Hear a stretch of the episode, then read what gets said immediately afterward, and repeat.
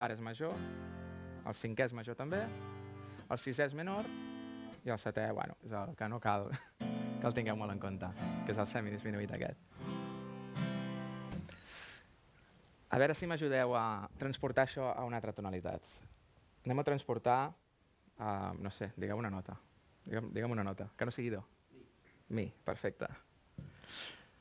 Doncs, si mi és la primera nota, primer de tot anem a buscar les set notes de, de l'escala major de mi. ¿vale? O sigui, es tracta de transportar el que, hem, el que hem vist aquí a una altra tonalitat. Quina serà la segona nota de la tonalitat major de mi? Un fa sostingut. La tercera? Ui, si n'heu perdut aquí, malament, eh?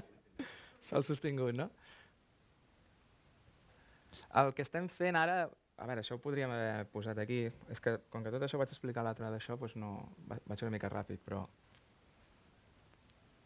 Um, aquestes dues notes estan separades per un to de distància, o sigui, hi ha una nota al mig que no la toquem, que és el do sostingut o, o re bemoll. Aquí també hi ha una nota al mig, que seria el re sostingut o mi bemoll, i no la toquem. Aquestes dues sí que estan juntes, hi ha mig to entre elles. Aquí també hi ha una nota que no la toquem, aquí també hi ha una nota que no la toquem, aquí també, i si i do també estan juntes. Per tant, entre mi i fa doncs, també hi ha un to de, de diferència. Hi ha un fa al mig que no el tocarem. Entre fa sostingut i sol també hi ha una nota al mig, que és el sol natural, que no ho tocarem. Però aquí ara sí que ens toca una nota que està enganxada al sol sostingut. Quina serà? Quina és la quarta nota? Un La. La següent estarà un to de distància del La. Un Si. La següent estarà a un to de distància del Si. Do sostingut, bé, bé, bé. I la següent estarà a un altre to de distància. Perfecte. Aquestes són les set notes que formen la tonalitat de mi major. Les notes. Ara anem a mirar els acords.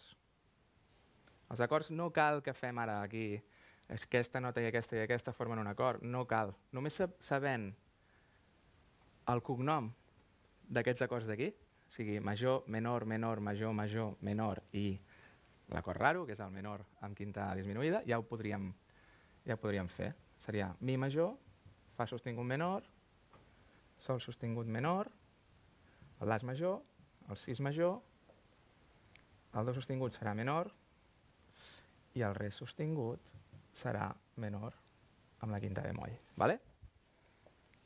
Llavors, qualsevol cançó que estigui en mi major, i m'ha anat molt bé que diguis mi, perquè ara veurem un exemple en mi major, um, mi major seria el primer grau, fa sostingut menor seria el segon grau, sol sostingut menor seria el tercer grau, la major seria el quart, el si major seria el cinquè, el do sostingut menor seria el sisè, i, bueno, i el setè ja sabeu que no el fem servir.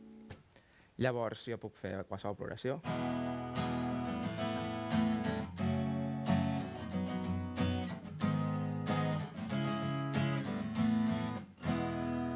Amb aquests set acords, no? Mi, La major, Fa sostingut, Si major, Sol sostingut menor, Do sostingut menor, un La i un Mi. És el que he tocat ara.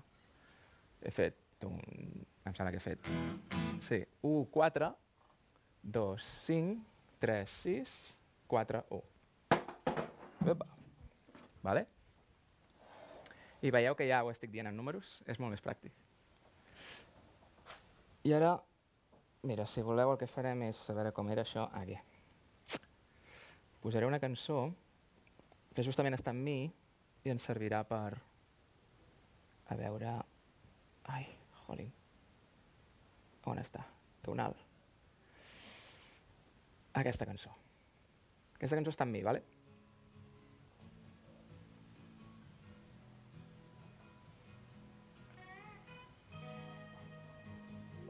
Que podem pujar aquí la...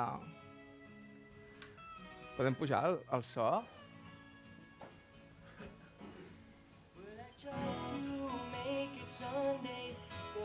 Aquí està passant això. Um, ara estem en el tercer grau, el quart, el primer, el tercer el quart, el segon, sisè, tercer, quart, segon, quart i primer. Us ho vaig cantant així per sobre, eh? però... 1, 3, 4, 1, 3, 4, 2, 6, 3 i 4, 2, 4, cinquè, quart, primer, cinquè, quart i primer, segon, tercer, quart, vale? Vull dir que al final... Perquè és estrany, no? És com... Sí. Aquesta sonoritat és un acord que té la quinta disminuïda. Um, en aquest cas seria un re sostingut, no? Uh, aquest interval és... A l'edat mitjana, de fet, estava prohibit fer cançons que tinguessin aquest interval. Vale? És, és raro. Saps? Encara és molt típic del metal i tal.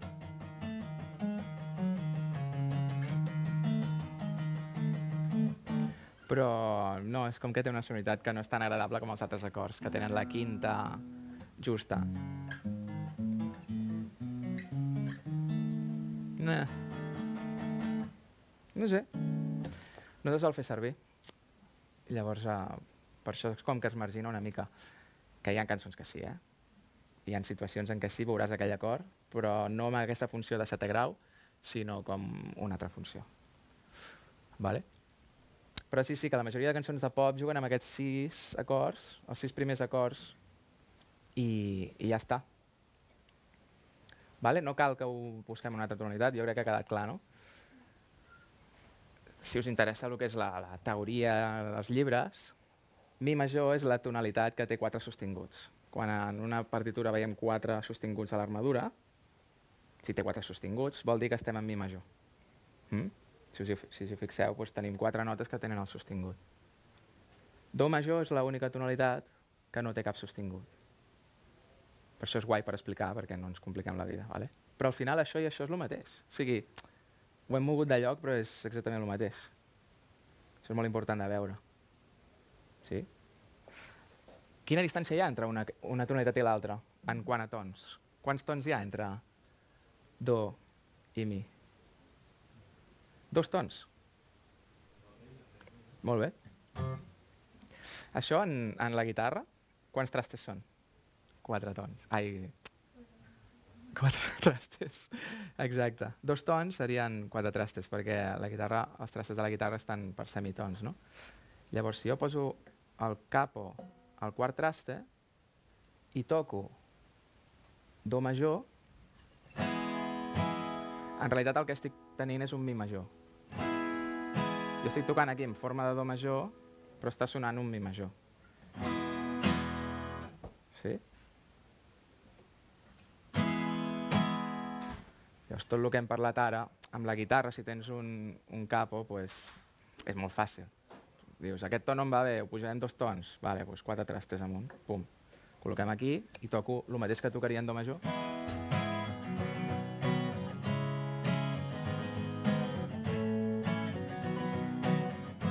Vale? Transportar és una mica això. Amb el piano també hi ha el truquillo de tots els teclats tenen un transpose, no? el botó de transpose que tu pots dir vull baixar o pujar x semitons o, o x tons. Vale. Què més?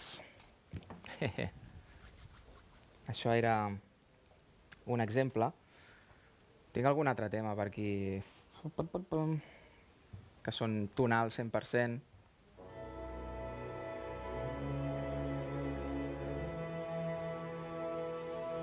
Mm, aquesta d'Aerosmith, que suposo que la majoria coneixereu.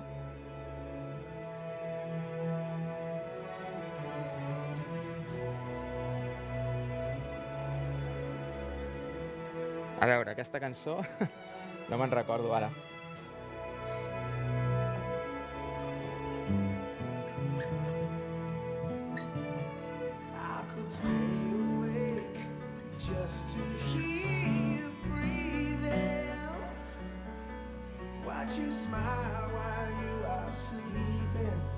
Sona?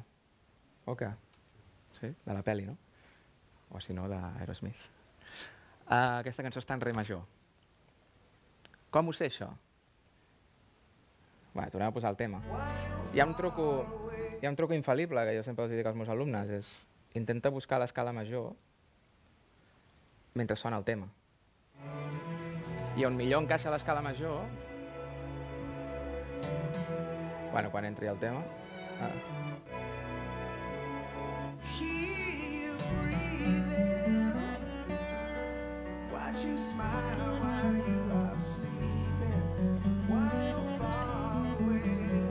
L'escala major de re.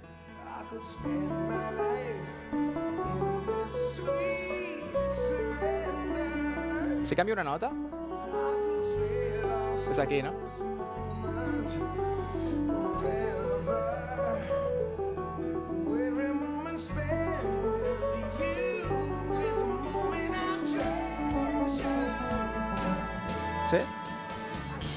Hi ha una escala major de les 12 possibles que és la que millor encaixa en les cançons. Això és el to, en realitat. Quan dius en quin to està aquesta cançó, busca l'escala major i en una de les 12 notes que tenim disponibles, l'escala major entrarà perfecte, com en aquest cas, no? Entra la de re. Només que canvis una nota diràs, hòstia, no, no em sona bé.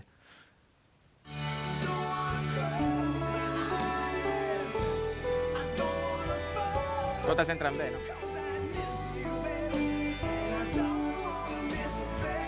Aquestes set notes... Va, quina és l'escala major de do? Ai, de re, perdó. Quines notes té? Qui dispara? La primera nota està clar, no? Ai, no, en groc no. Segona nota? Mi. Tercera? Bien. Quarta? Cinquena? Sisena? Mm -hmm. I setena? Vale. Aquesta és l'escala que estava tocant jo sobre el tema, vale? Estava tocant aquestes notes.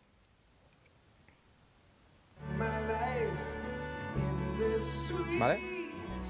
Re, mi, fa, sostingut, sol, la, si, do sostingut, re. Llavors, acords. Ja sabeu com es fa, no? És tan fàcil com això. Aquests són els set acords disponibles aquí. Doncs bueno, la cançó aquesta d'Aerosmith juga amb el re, després el la major, el si menor, el sol, bueno, aquí. el re i el mi menor. Va jugant amb tot això, jo si voleu us ho vaig dient. Uh,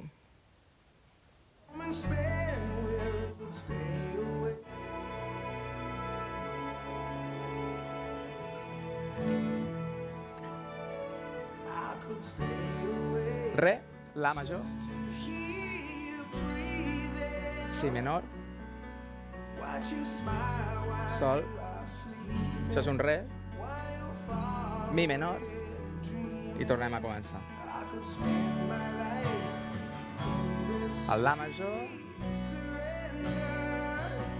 si menor, I sol major, el re, mi menor, i aquí em sembla que fa,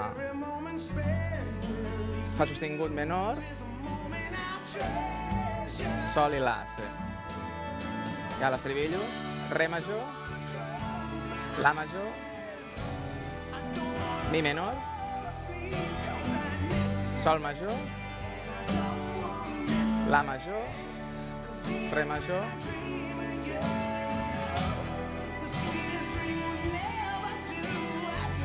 bueno, que està aquí,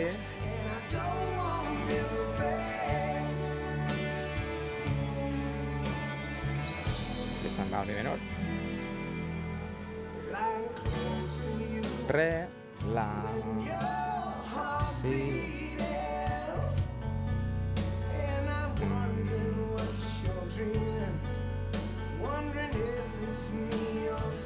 Yeah. Bueno, ja us dic que no surt d'això. No s'està inventant cap altre acord que aquests. Sí, sí, sí. Tu pots provar. Home, hi ha ordres que sonen millor que altres, però això va a gust del, del compositor, al final. És que pots fer el que vulguis. Tu parteixes del... A veure, el normal és veritat, és partir de la, del primer... No, però és que hi ha cançons de tot tipus, al final. Pots començar pel tercer i... Saps? Jo començo pel tercer acord i jo què sé.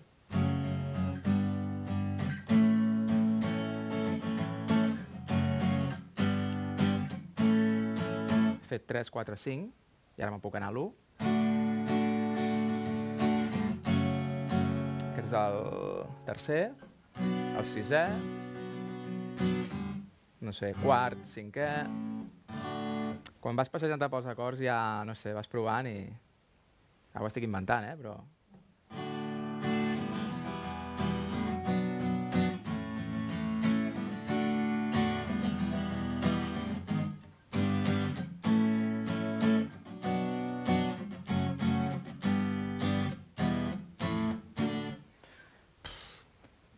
Pots passejar-te, cap problema, saps? Sí.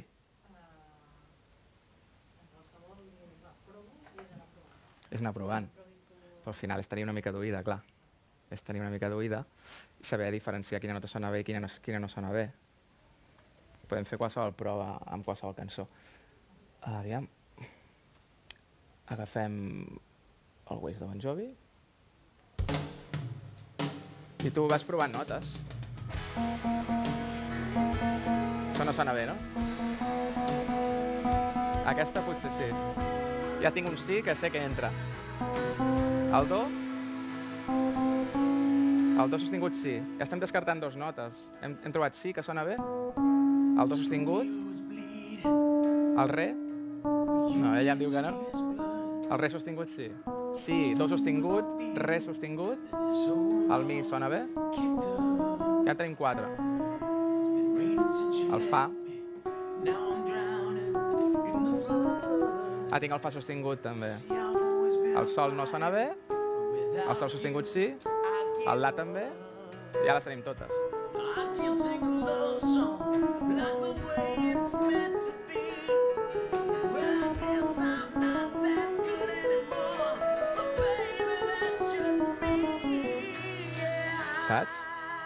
I ara és qüestió d'ordenar-les. Hem trobat que, si voleu apunto aquí, hem trobat... Espera, que això puc anar més ràpid així. Hem trobat que les notes que, que ens sonaven bé era un si, un do sostingut, un re sostingut, un mi, un fa sostingut, ho estic dient de memòria, però em sembla que, que no m'equivoco. Hem trobat que eren aquestes quatre notes, ai, set notes. Quatre sostinguts, eh? Uh -huh. sí, també és veritat. Sí, sí, sí. Sí, sí. Això dependrà de veure on està el pes, del, quin és l'acord prominent. Però pinta que serà mi major. Perquè si mirem els mitjos tons, aquí hi ha mig to entre aquestes dues notes i aquí hi ha un altre mig to. I el dels mig tons només passa entre la tercera i la quarta i la setena i la primera. Si això és tercera i quarta, seria 3, 4, 5, 6 i 7. Entre el 6 i el 7 no hi ha mig to. Per tant, és 7 i 1, llavors 2, 3, 4, 5 i 6 i 7. O sigui, això seria el primer grau, segon, tercer, quart, cinquè, sisè i setè. Estem en mi major.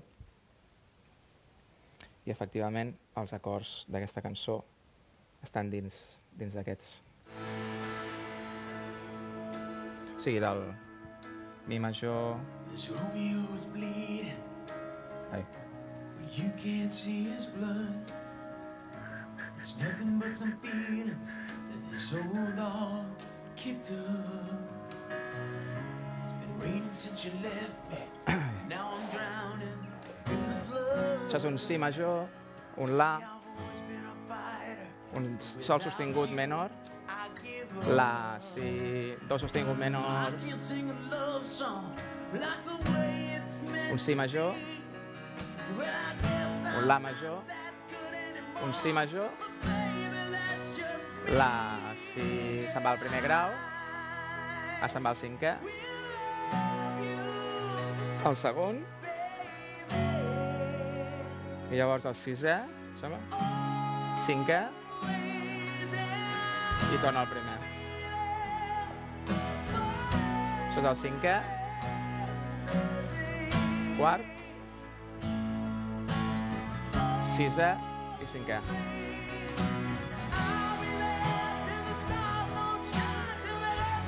Vale?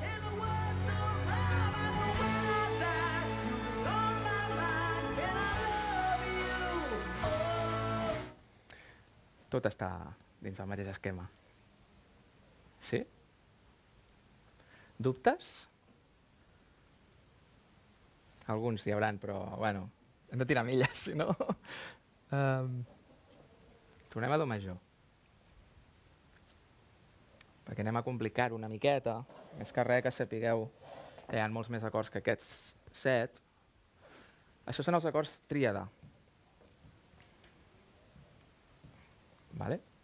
Se li diuen tríada perquè estan formats per tres notes. Aquesta fe és do, mi, sol. I ja està. Aquest és un re, fa, la. Són tres notetes. Vale? Però si volem, podem crear acords de més notes, que són els acords quatríada. I llavors sonen una mica més complexos, però es fan servir moltíssim, també. Alguns segur que els coneixeu, l'acord de sèptima segur que el coneixeu tots. No? Típic acord de sèptima de la guitarra. És un d'ells, aquí no ha sortit encara. Un acord quatríada, a partir de do, dins de do major, seria do, mi, sol, si. Sigui, afegim un si a la tríada. Vale? I això ja ens dona una sonoritat doncs, més complexa, no sé com dir-li. Això és un acord max 7, major sèptima. Simbolitza així, també es pot simbolitzar així, i a vegades també m'ho he trobat així. Aquest és molt típic, el triangulet aquest amb el 7, un clàssic. El re menor 7 seria el segon acord. Es pot, es pot fer això o es pot fer això, com vulgueu. Ho veureu escrit de moltes maneres, però és el mateix. El tercer acord seria bueno, mi, sol, si, re. També un altre acord menor 7. El quart seria fa, la, do, mi. I és un, un acord max 7 també. Major sèptima. Mm? El sol seria sol, si, re, fa. Mm? I aquest és el conegut acord de sèptima. Val?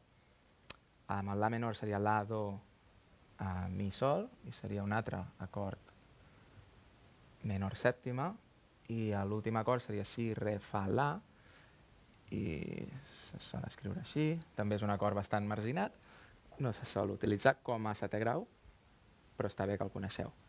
Aquest se li diu semidisminuït. Quan hi ha aquesta rodona tatxada, se li diu semidisminuït, no és disminuït del tot. vale?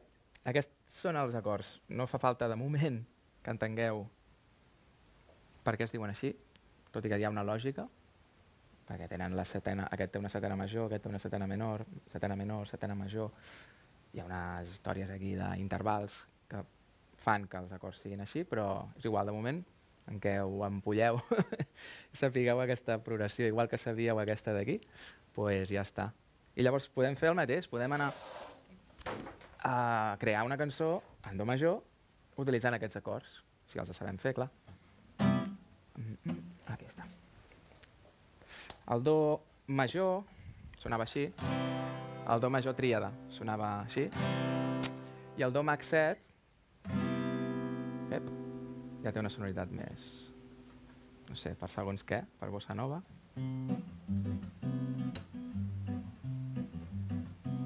Pues sona molt bé, no? El re menor sèptima abans era així, i ara té una mica de sofisti sofisticació, no? El mi menor abans teníem aquest acord simple, i ara seria, doncs, això, o això.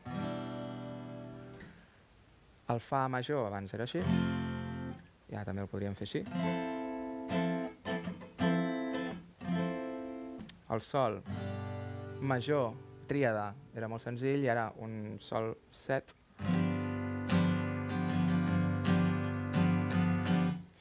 Té aquesta sonoritat i el la menor abans era així i ara o així. Això és tríada i això és quatríada. I el si semidisminuït, doncs, bueno, és aquest acord estrany. Per tant, ara podríem fer qualsevol progressió amb aquesta sonoritat i sonaria, doncs, clar, una mica diferent.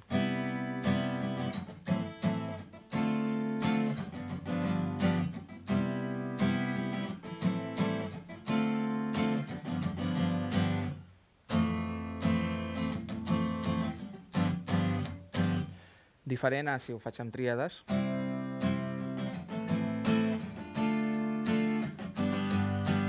que sona més popero, més senzill. La diferència és mínima, però bueno, es nota. Per segons quins estils sempre apostem per, per aquest tipus d'acords. En comptes de... Val. Serien els acords um, quatríada, que ho sapigueu. Es fan servir moltíssim i tenen integrada la tríada a dins, o sigui que cap problema. Una cosa més. Um, jo vaig tirant, eh? si teniu dubtes, em pareu. Um, moltes vegades, això vaig explicar a l'altre masterclass que vaig donar, moltes vegades aquest acord d'aquí no ens el trobarem com un mi menor 7 o un mi menor, sinó que ens el podem trobar com... Bueno, en negre, va. Aquest, uh, aquest símbol. Ara explico el que és. I aquest setè grau, que ja us he dit que no s'utilitza gaire, el que pot ser és que ens el trobem com un sol en baix en si.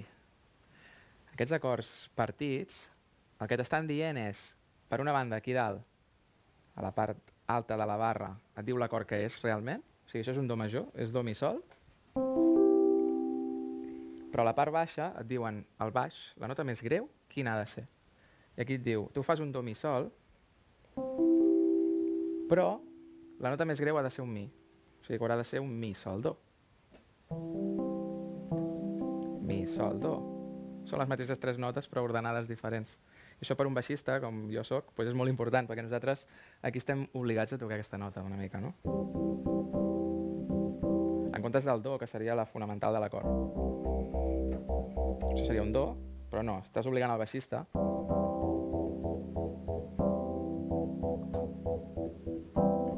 a tocar aquest mi. I amb el sol passaria el mateix. Un sol major és sol si re, i aquí estàs obligant el baixista a tocar la tercera d'aquest acord, que és un si. Vale? Llavors, hi ha, hi ha situacions en què això doncs, doncs passa molt. De fet, hem escoltat cançons abans que, que ho feien servir. No he dit res perquè no em volia adelantar, però, però si jo començo... Torno a les tríades, que potser és més fàcil.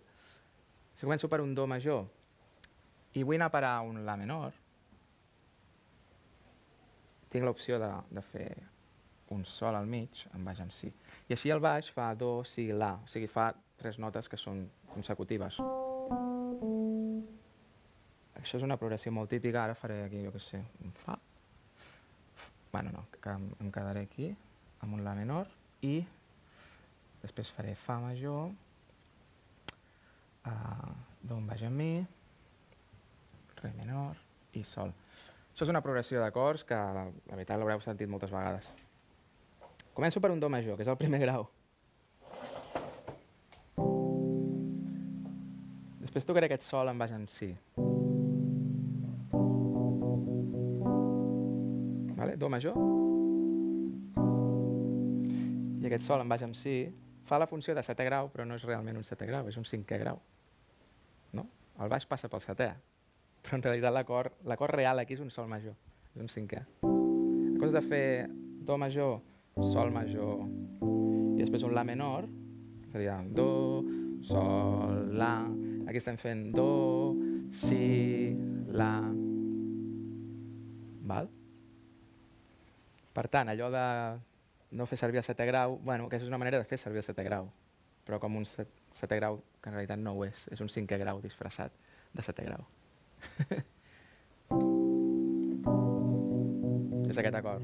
L'heu sentit mil vegades. Aquest seria el sisè grau, estic en el la menor, me'n vaig al fa i podem fer el mateix amb el tercer grau. En comptes de tocar un mi menor, que seria, seria vàlid, fa major, mi menor, re menor i sol. En comptes de fer això, molta gent el que fa és això.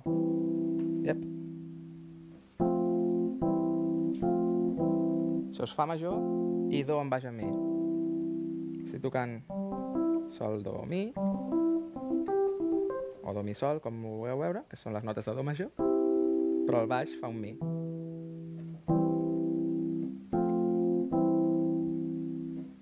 I després el re menor i el sol major.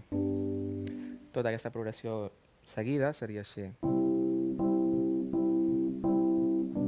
Bueno, si ho fem amb el ritme harmònic seria...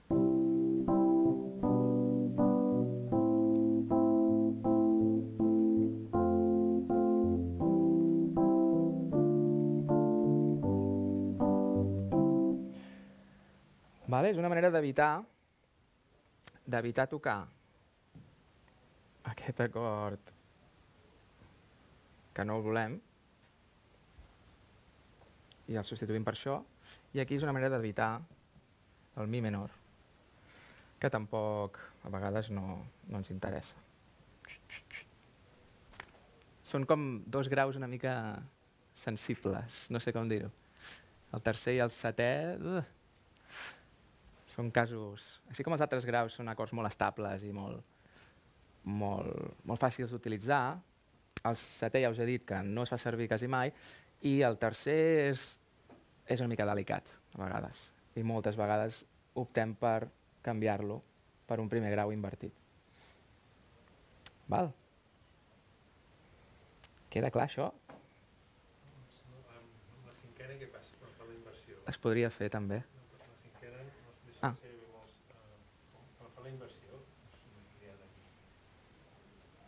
Aquest acord segueix sent el mateix. Un sol major. Sol, si, re. O sigui que no canvia. La cinquena, que és re, no, no es canvia. Jo estic fent sol, si, re, l'únic que el baix fa un si. O sigui, un guitarrista pot estar tocant aquí uns, un sol major. No, en realitat és ordenar-les diferents. Sí. Puc tocar això, però si el baixista fa això, es crea aquest acord. O sigui, jo toco un sol major i el, el baixista fa un si, en comptes d'un sol, que seria lo típic. No? Això seria lo típic, tocar la, la tònica de l'acord. Si el baixista toca un si, s'està creant això. Un sol major en, en primera inversió, que es diu. Eh? Interessant, no? I amb això de les inversions doncs, ens hi podem entretenir una mica, perquè dona molt joc dona molt joc i hi ha moltes cançons que això ho utilitzen com, una, com un recurs. Um, de fet, faré una mica de borrón i cuenta nueva. Um, pam, pam, pam, pam. Qualsevol acord el podem invertir. És a dir, tu tens un do major, que és do més mi més sol, però si vols pots fer l'acord en... Això és... se li diu la- l'acord en estat fonamental. Seria la típica manera de tocar un acord, que és amb la fonamental com a nota més greu. Do, mi, sol. Això seria un do major, però amb el baix en mi. O sigui, la nota més greu seria un mi. I llavors això es transforma en mi, sol i do. Eh? Mateixes notes. No deixa de ser un do major. Però estan ordenades diferents, el que dèiem. Mi, sol, do.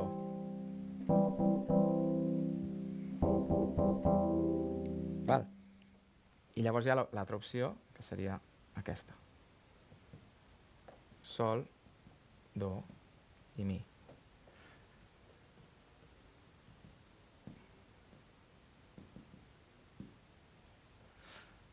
Vale? O sigui que si us trobeu acords d'aquest tipus, que sapigueu que la majoria de vegades són, són inversions. Sí? O sigui que en realitat això ho podem, ho podem fer servir bastant. Uh, no tenim per què sempre tocar la fonamental d'un acord quan arriba un acord. Com a baixista que sóc jo, això ho tinc super en compte perquè crea un efecte, crea un, un efecte molt guai. De fet, hi ha una cançó aquí que hem, que hem escoltat ara. Mm, mm, mm, mm, mm. Sí, aquesta.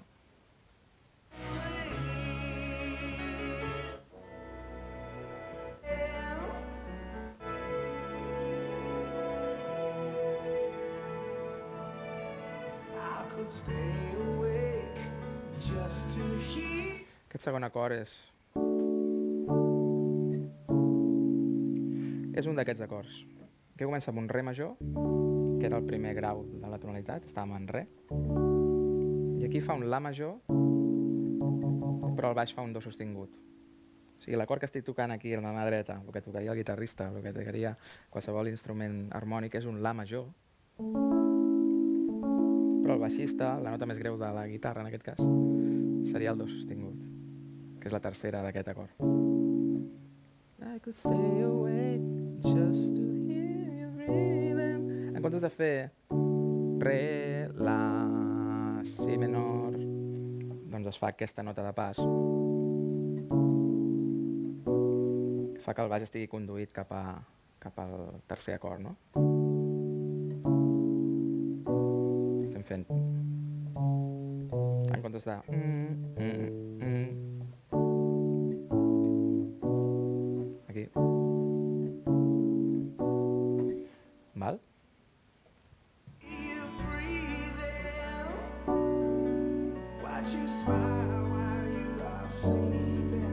Passar.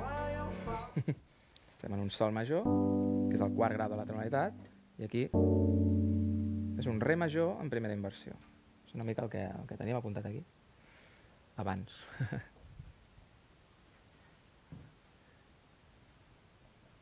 ah, I aquí un sol, en baix un si. Ara estem en re per això, però és igual, perquè, perquè ja sabeu transportar, en teoria. Estaríem en el primer grau i llavors està fent aquest acord d'aquí se'n va al sisè grau. Això és la primera part. Si ho faig en do major seria I could stay awake just to hear you breathing. Estic fent do major, sol en baix en si i la menor. Ara s'anirà al quart grau, que és un fa major, i després farà el do en baix en mi, aquest acord d'aquí. Vale? I el re menor. Fa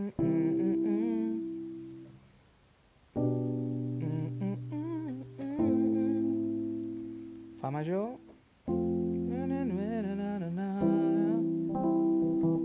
Es crea aquest acord. Vale. Sigui, un exemple clar de com utilitzar aquests dos acords. Però estan milions de cançons, aquest recurs. Amb la guitarra, a veure, si estem en do major seria... Això és un sol, en realitat, però no tocaré el sol, la nota més greu del sol. Perquè el que vull enfatitzar aquí és que la nota més greu sigui un. O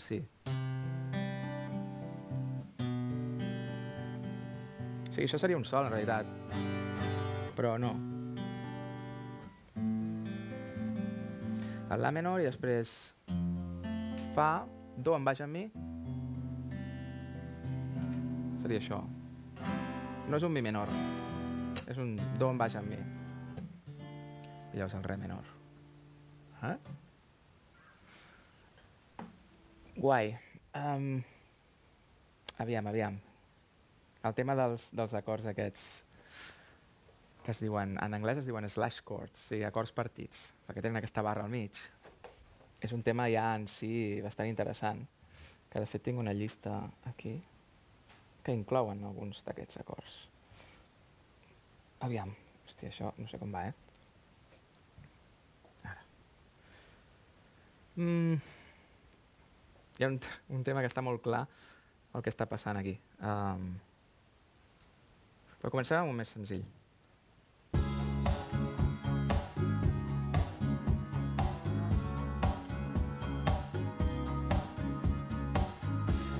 Escolteu i em dieu què està passant aquí.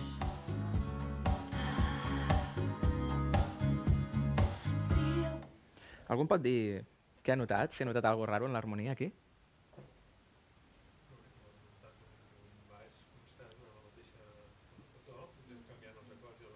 en Ah, això. Bé, bé, bé. Bona oïda. Sí, tornem a escoltar i us adoneu d'això.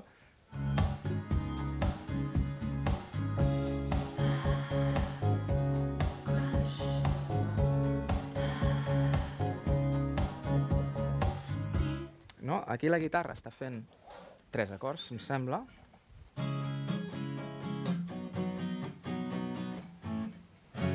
No, quatre acords. Però el baix està aguantant el do sostingut tot el rato.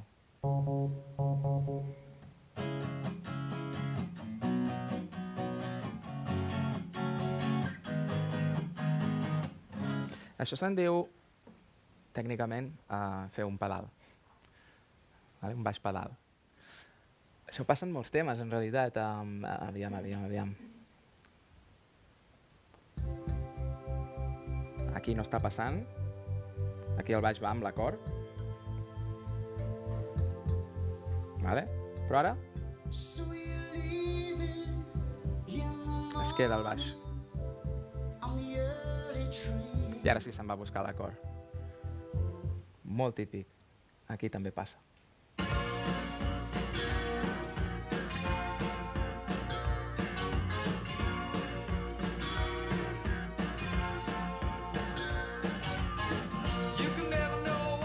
Vale, que sapigueu que això és, un, és una cosa que, bueno, que crea un efecte, no? Puc aguantar un, una nota greu,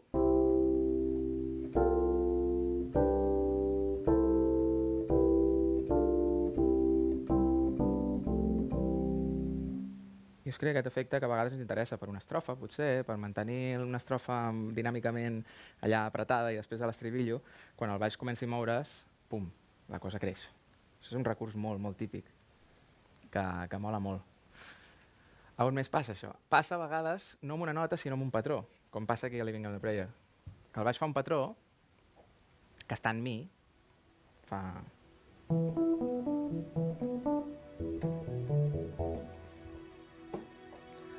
L'heu escoltat tots, aquesta, suposo, no? Però els acords són aquests que estan sonant. Això és un mi menor, no? El baix està com dins de mi menor.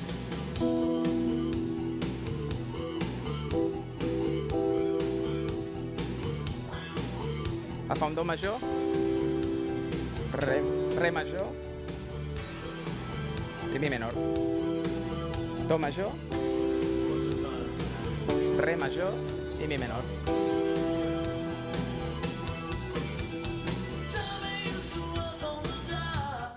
Va, és un recurs interessant. No es pot fer en qualsevol nota, s'ha de buscar una nota que diguis aquesta nota, dins dels quatre acords que vull fer servir, sonarà bé. Normalment funciona molt bé amb la tònica de la tonalitat, si estàs en re major, doncs fa servir el re. També funciona bé amb la quinta a vegades. No sé, en moltes, moltes situacions, si analitzeu cançons, veureu que això doncs, a vegades es fa servir i mola molt. Una altra cosa interessant, vaig canviant de tema, eh? Hi ha un acord Ah, ah, ah, ah. Tot això, per cert, ho vam parlar a l'altre masterclass. Ara sí, explicaré una cosa que no, que no vaig explicar. És per una mica anar més enllà d'això, perquè això un cop ho tens controlat ja està. Dius, ah, vale, totes les cançons de pop són aquests sis acords. Que fàcil. No. perquè llavors us trobareu moltes excepcions. Però està bé saber, que, saber la base, que és això, amb això hi ha, ja us dic, mil, milions de cançons, escolteu la ràdio i el 90% de les cançons no surten d'això. Inclús d'aquests sis acords en toquen tres o quatre només. Vale? Però si aneu més enllà, si escolteu més cançons, direu, hòstia, aquí hem sortit un acord que no entenc d'on surt. A vegades això passa. Un dels acords típics que, que us podeu trobar és el típic sus 4. Heu sentit a parlar del sus 4? Un acord sus 4. Un acord sus 4 és un acord que té una fonamental, una quarta i una quinta. Això seria el sus 4. Um, això en un acord de do major seria tocar do, fa i sol. En comptes de lo que seria la típica, que seria U3-5, que seria do, mi, sol. Això seria l'acord major de tota la vida, do, mi, sol. O sigui, aquest que tenim aquí. Però si canviem el mi pel fa, o sigui, la tercera per la quarta, llavors és la, es transforma en un acord sus 4.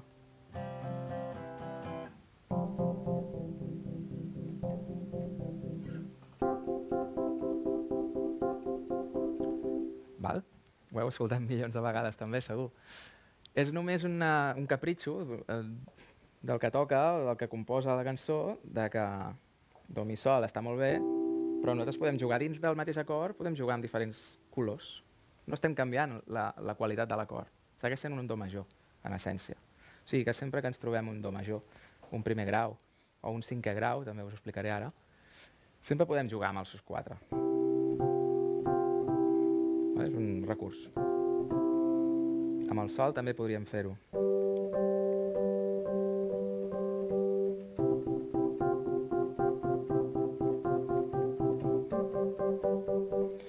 I hi ha una altra combinació, també molt típica, sus 2, que seria 1, 2, 5. Aquesta també molt popera. Això el que estem fent és canviar la tercera, que és un mi, la tercera de l'acord de do major, per un re. Sigui que ara no serà do, mi, sol, sinó serà do, re, sol.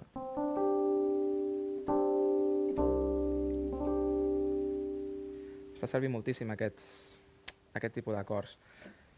O sigui que és totalment substituïble per aquest, eh? Pot ser que en una cançó us trobeu com a primer grau un do sus 4 o un do sus 2. O inclús el do sus 4 que es transforma en do major. Saps? Podríem trobar-nos una cançó que juga do, do sus 4 i després canvia d'acord. Però el que estem fent aquí bàsicament és tocar do major, no, no canvia res. Vale? Inclús jugar amb els dos sus, els sus 2 i els sus 4. Sus 4, major, sus 2 i acord major.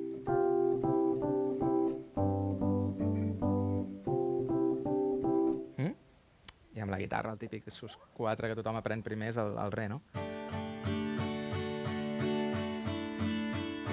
Això és el re major pelat, el, la D.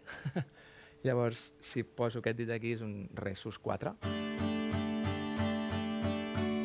Tornem al re normal, re major, i si trec aquesta nota d'aquí, aquest dit d'aquí, um, tenim un re sus 2.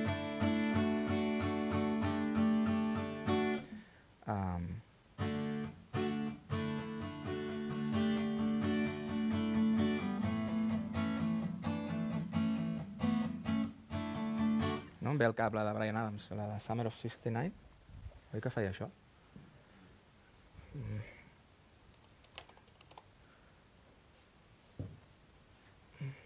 Mm,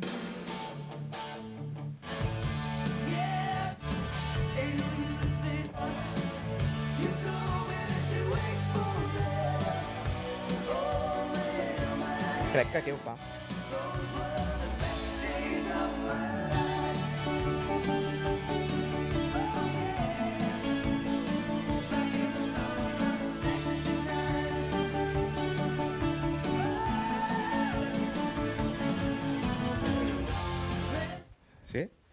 Això és un re major i un la major. Sí, sigui, primer grau de re major i cinquè grau de re major. Però ho adorna amb els sus quatres.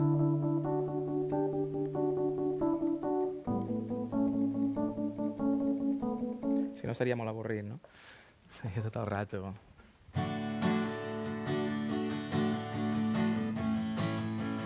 I no, li posa una mica de...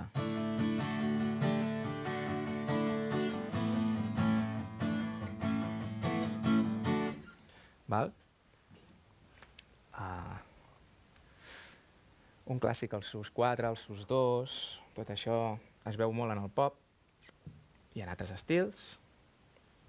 Llavors hi ha una versió del sus que és molt interessant, que seria aquesta. Ojo aquí, què està passant aquí?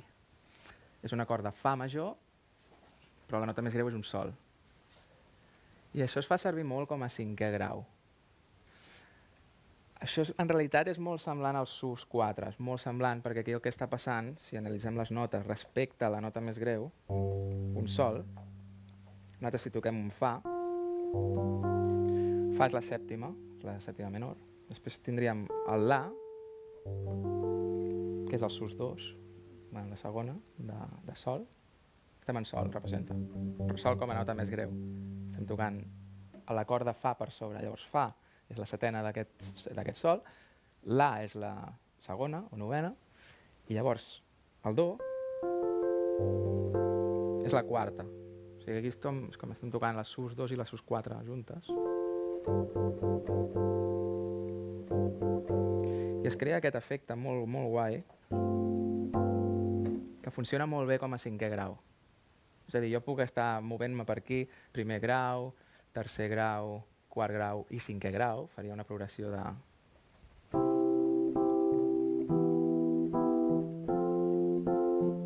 Estic fent do major, re menor, ai, mi menor, tercer grau, fa major i sol major. Si jo aquest sol major el transformo en això que us he dit, o sigui, em quedo amb el fa com a, no, com a acord, però el baix sí que puja sol, es crea aquesta sensació.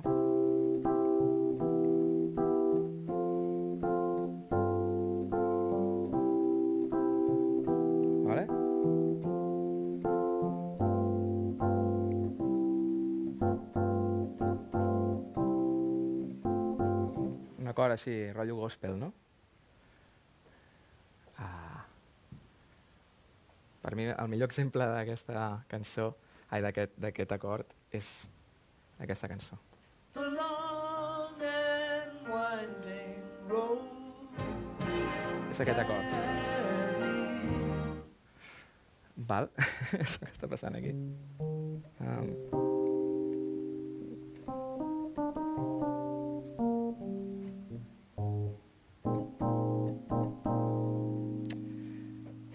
com que estem a mi bemoll major i està fent el cinquè grau, però d'aquesta manera que us he explicat. O sigui, transportant-ho a do seria exactament això. Seria un la menor. The long and winding road. Aquest fa en baix amb sol i se'n va al do major.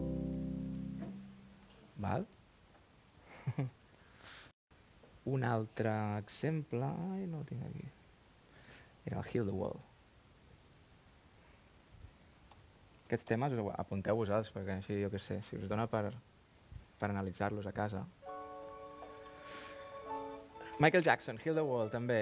Una harmonia molt senzilla, però té aquest acord i li dona, li dona el color definitiu. The generation, Ja veureu. they, they, they know it. There's a place. Vale. They can make it a better place. Està en la major, però bueno, és igual.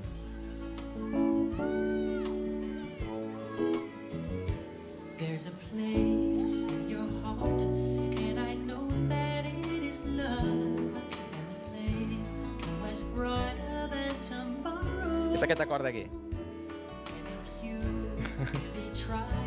Clar, aquí el Michael Jackson hauria pogut fer primer grau, segon grau, tercer grau i cinquè grau? I això sona bé. There's a place in the na, na, na, na, na, na, na, na. Perfecte. Però aquest cinquè grau, que és un mi major ara mateix, si jo el faig el que he fet aquí,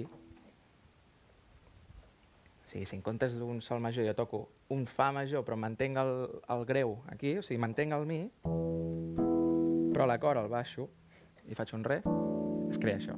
Uau. No? There's a place in your heart, Yeah.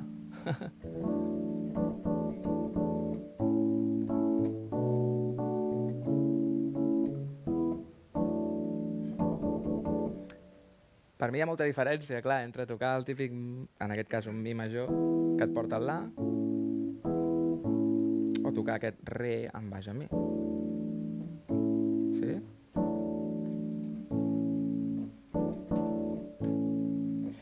5-1, però no sona a 5-1 típic. Això seria un 5-1 típic. Mi, la, mi, la... Però això que estic fent és un re en baix a mi i va a la. Mm? Si, si sabeu tocar la guitarra, segur que sabeu tocar aquest tema. no? És el clàssic. Aquest va a la, al, al pont de la cançó, bueno, a la part B. Na, na, na.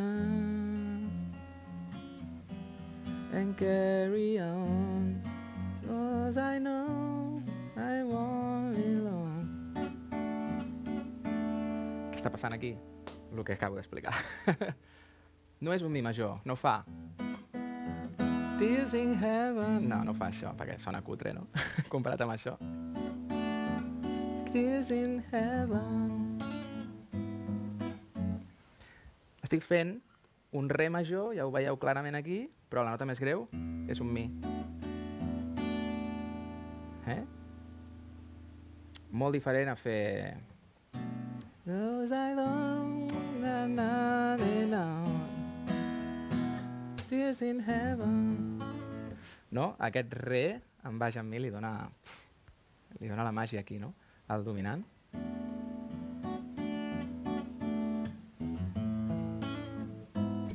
Per tant, en un cinquè grau, que sapigueu que sempre podeu posar això. Anem a fer un exercici que seria... Jo vull anar a parar a un, a un sol i vull posar un dominant abans. El dominant de sol, o sigui, la quinta de sol, quina nota és? La quinta de sol. El re.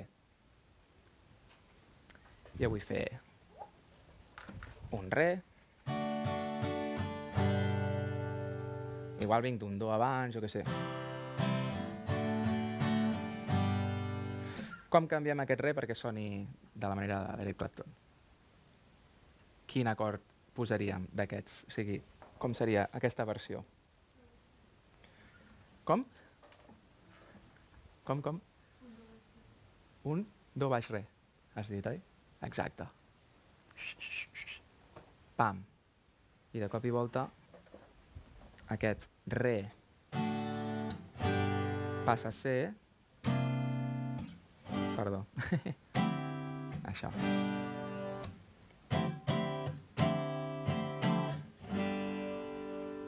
Diferent a... Estem fent això ara. Vale. No sé, amb qualsevol cançó que passi pel cinquè grau podeu provar-ho, a veure què tal sona i veureu que, que dona aquest efecte.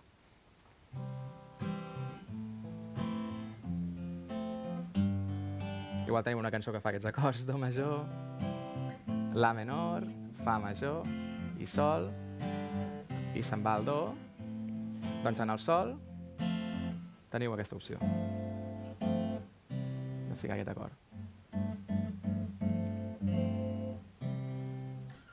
Molt maco, queda molt bé. Doncs bueno, aquest acord eh, es pot escriure així, com un acord híbrid, un acord d'aquests partits, o també es podria escriure com a do, set, sus. Això també ho veureu escrit en alguns llocs. Perdó, he dit do i no. En aquest cas seria un... Re, set sus. Això i això és el mateix. En realitat, de vegades també el podem veure com a re nou sus. Vale? Però és bàsicament el mateix rotllo. Jo prefereixo normalment escriure-ho així perquè és com més pràctic. En plan, et fixes amb lo de dalt, que és un do major, és molt senzill, i llavors amb lo de baix. I dius, vale, doncs el re. Pum. Si no, aquí has de fer matemàtiques, en plan, vale, té la sèptima menor, però té la sus 4, bla, bla, bla. No, no cal. Vale? Queda aquest acord i, i fàcil. Inclús li pots dir al guitarrista no llegeixis això d'aquí i tu com a baixista pues, toques el re i, i ningú s'ha enterat. vale. Molt bé. Um, entonces, uh, slash course. Vale. Bueno, hem vist alguns, al- alguns exemples, crec que no cal, d'això. Llavors, com anem de temps? Bé. Bé. Alguna pregunta? Després ja, si de cas, obriré una ronda també per la gent de casa i això. A veure, entrem en un tema una mica que fa una mica de respecte, però ja veureu que no és tan difícil com ho pinten. Són els dominants secundaris. Els dominants secundaris són acords que a vegades en, bueno, que ens apareixen. Ja us dic, la, la missió d'avui és una mica que sortiu de, que, de la idea de que, bueno, de que amb aquests sis acords ja es pot fer tot. No, hi ha excepcions, hi ha acords que se surten d'això, i uns dels més típics, a part dels sus quatres que ja us he explicat, serien els dominants secundaris. Què són els dominants secundaris? Doncs, bueno, és, és, senzill d'entendre, és que cada un d'aquests acords pot anar precedit del seu dominant, del seu acord dominant. Un acord dominant, per definició, és un acord de sèptima, sí? el típic acord de sèptima, un sol set, un do set, el que sigui. Un d'aquest tipus d'acords i està col·locat a una quinta de l'acord que vindrà després. Mm? O sigui, a la quinta de l'acord objectiu, de l'acord dominat. Vale? Dominant té aquesta funció que domina un altre acord. Doncs està, aquest acord està a una quinta de l'acord que ve després. Llavors, cada un d'aquests acords poden tenir un acord de sèptima que els domina. Quin seria l'acord que està a una quinta de do? Un- bueno, quin acord? Quin, quina nota seria la nota que està a la quinta de do? Sí, sol, vale. I llavors us dic, això són els dominants secundaris, llavors aquest acord ha de ser de sèptima. Sol sèptima seria el dominant de do, però com que ja el tenim aquí, de fet, espera't, ho, ho passaré a quatríades, perquè així ho tenim tot ja en plan... en plan complex, i aquí un set. Aquest d'aquí no cal ni, ni posar-lo perquè ja està, ja està integrat. Ja és aquest. Per tant, aquest no el contem, no és un acord nou. El dominant del, del primer grau ja, ja va inclòs en el pack d'acords de la tonalitat. Ara anem a veure aquest. Quina és la quinta de?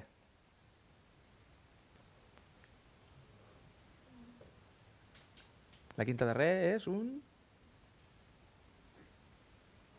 Un, dos, tres, quatre, cinc, un la. Li posem el cognom perquè és un dominant i ja tenim. Aquest seria el dominant secundari d'aquest re menor. Ara us explicaré com, com fer-ho servir això. Quina és la quinta de mi? Mi, la... Sí. Exacte. També li posem el 7. La quinta de, de fa? Do. La quinta de re. Dic, de sol és un re. la quinta de la. Vale. I l'últim, com que no té la quinta justa, té una quinta disminuïda, ja ho, ja ho indica aquí, bemoll 5, no tindrà dominant secundari. Vale? Sempre ens, aquí passa alguna cosa, no? Aquí eh, diem, poca feina, no cal ni memoritzar-lo ni res, no es fa servir. Doncs aquest no té ni, ni dominant secundari. Ara, aquests 5, cuidado. Per cert, això s'analitza així. Uh, això seria el, el cinquè dominant, o sigui, dominant secundari, del segon grau. Aquest seria el cinquè del tercer. Aquest seria el cinquè del quart. Aquest seria el cinquè del cinquè, o sigui, el dominant del, del dominant. Aquest seria el dominant del sisè. Vale, doncs està molt bé que tingueu aquests acords en el vostre radar perquè apareixen, i apareixen molt. Ara us explicaré alguns exemples. Vale? Això vol dir que jo estic en un, una cançó en do major, que ja sabeu que és el, la tonalitat millor per fer exemples perquè no hi ha sostinguts ni res. Jo estic en una cançó en do major, sóc compositor, vull fer una cançó. Vol dir que jo puc fer, puc jugar amb aquests sis acords, però també puc jugar amb aquests i, i us diré, la recomanació inicial és que si feu servir un acord d'aquests, després feu servir l'acord dominat. O sigui, si jo faig un do major i després me'n vaig a un do-set, doncs fem el fa després. Aquest acord ens porta aquí. O sigui, que sigui sempre una cosa direccional. Sí? Hi ha excepcions, eh? Hi ha vegades que ens trobarem un acord d'aquests i no anirà a parar a l'acord dominat. Però això s'ha de fer més, bueno, més delicat.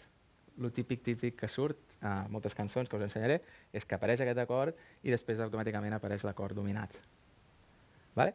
Tornem. Jo estic en do major i vull anar al la menor. Per què no abans del la menor toco el seu acord dominant secundari, que és un mi 7. O sigui, jo vull passar de do major a la menor, però passaré per aquí. Vale?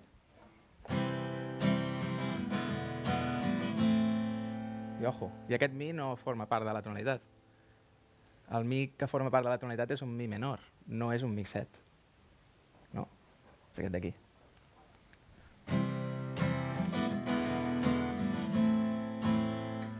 I llavors, jo què sé, podríem anar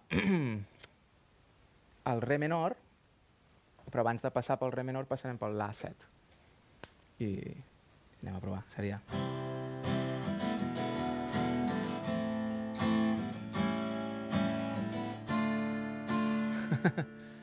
I aquí ha passat alguna bastant curiós, no?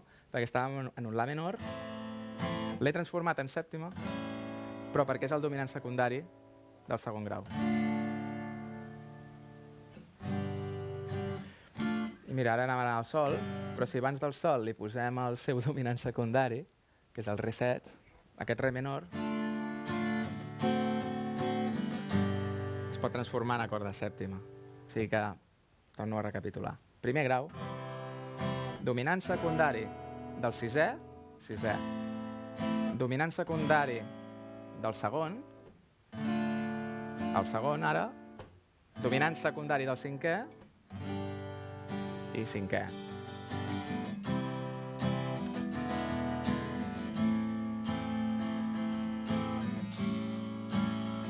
No sé.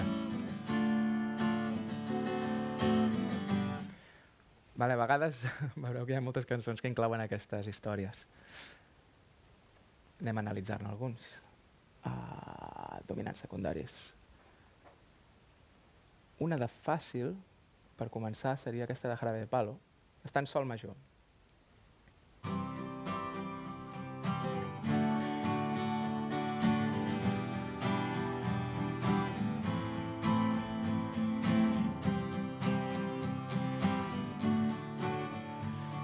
Aquesta introducció és molt senzilla, està en sol major, estic tocant un do major, que és el quart grau. El re serà el cinquè grau, el mi menor serà el sisè i el la menor serà el segon grau, no? 4, cinquè, sisè i segon. Això és la introducció, però després l'estrofa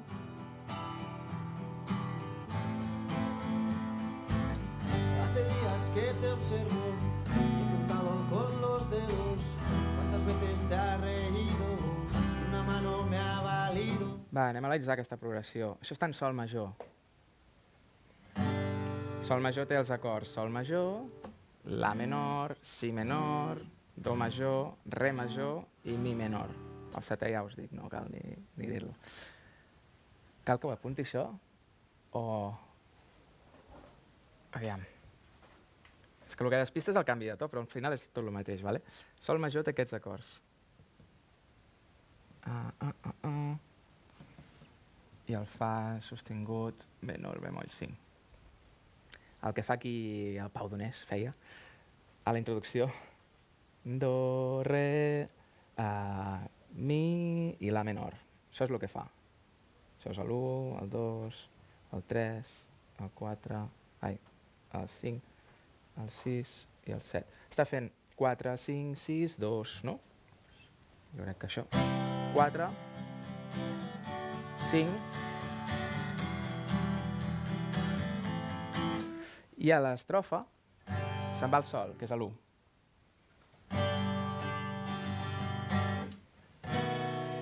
I aquí apareix un 6-7. El 6 menor, no? Llavors, aquí ja el radar ja, ja salta a dir, ups, aquest acord no, no està dins del meu radar d'acords de la tonalitat. És un 6-7. Què és? Ja sabeu el que és. És un dominant secundari. De quin acord? Aquest acord, o sigui, el si aquest domina si és quinta de què? Això és com una regla de 3. Si de què és quinta? De quina nota és quinta? Del mi. Aquest si és el dominant secundari del sisè grau. I és l'acord que ve després. O sigui que fa sol, sol, uh, si sèptima, que és el dominant secundari del mi, se'n va al mi, menor, i després se'n va al do.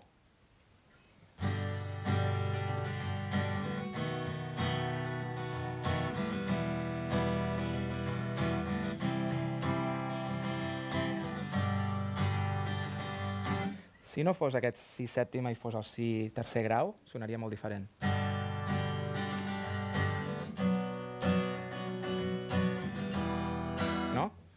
Hace días que te observo, he contado con los dedos cuántas veces te has re... Sonaria bé, però no és el mateix, no? No, no, no té el mateix color. Hace días que te observo... No, el que digui. Sona molt diferent. Vale, doncs aquí està un exemple clar de com utilitzar un dominant secundari. Uh, Oasis. Aquest tema és una merda perquè toques el piano i no està afinat. Però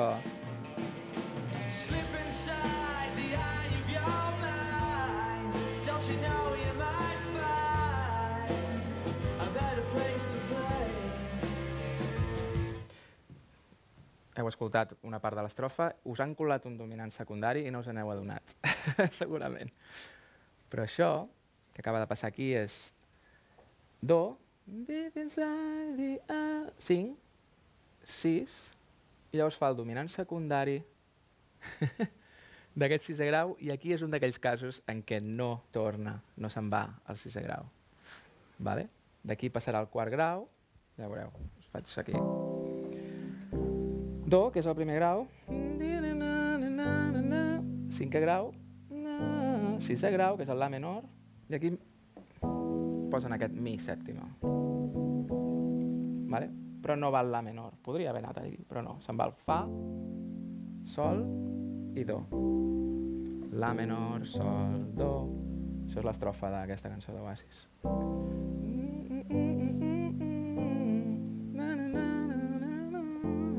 Clar, si tu estàs escoltant el tema i dius això està en do major i de cop i volta et colen un mi major, et desquadra tot. Perquè potser no, no saps res d'això dels dominants secundaris i tu t'esperes un mi menor, perquè és el que, el que surt de forma natural, no?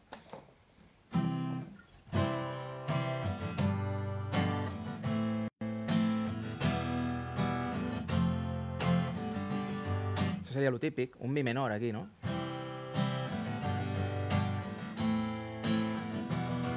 Com el Canon de Pachelbel, com el Bon dia dels Pets, com... Quines altres cançons hi havia amb aquests acords? El, la de Green Day. Do you have the time to listen to me why? No? I el mi seria menor. Però aquí els oasis diuen no.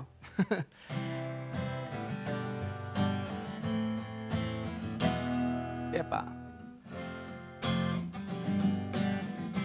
Sigui que és un dominant secundari que no, no va on ha d'anar, però està allà. Surt d'aquí, vale? Ai, més cançons. Ah, aquesta és la que per mi és el millor exemple.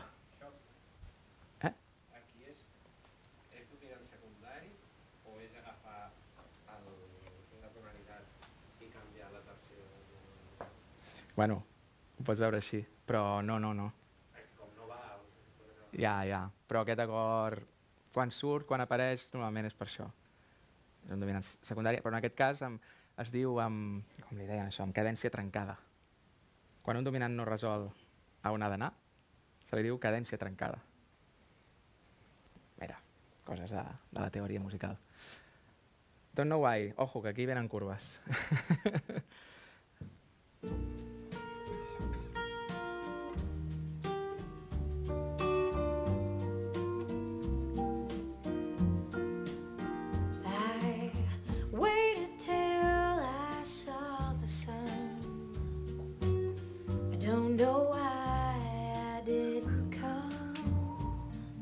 bueno, tot I va. left you by the house of fun. I don't know why I didn't come.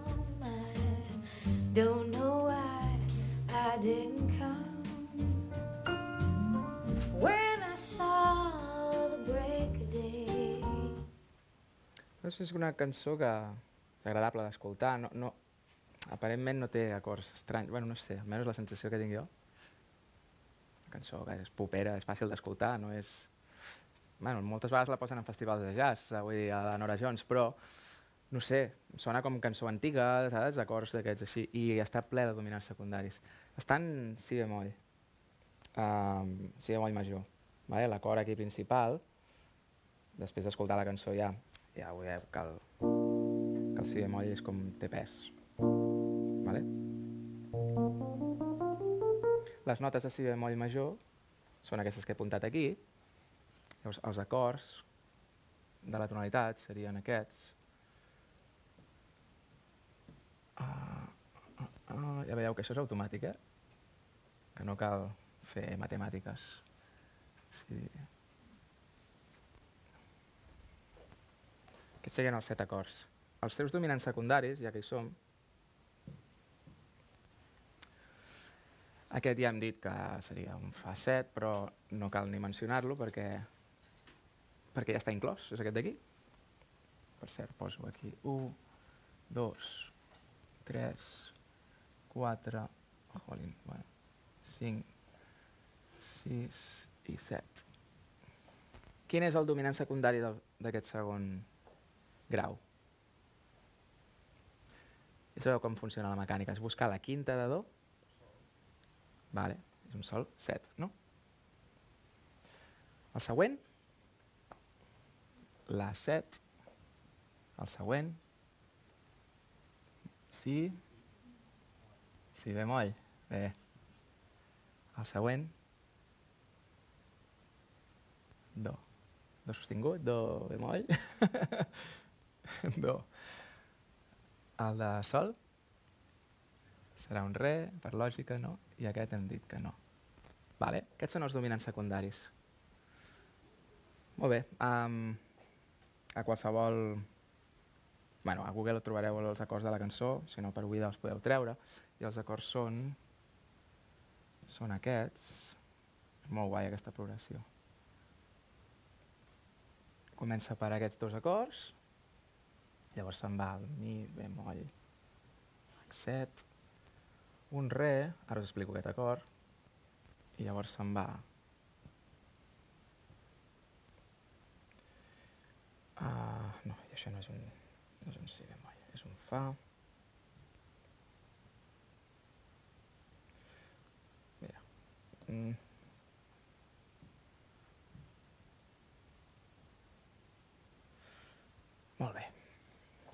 Ojo, eh? Hi ha molts acords aquí. Um, el primer d'ells, cap problema, no? El primer d'ells és el que primer t'esperes, és l'1 de la tonalitat. Però després què passa?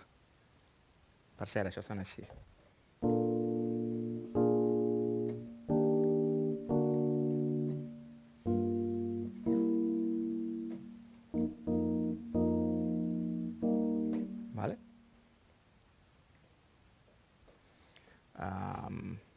Aquest acord.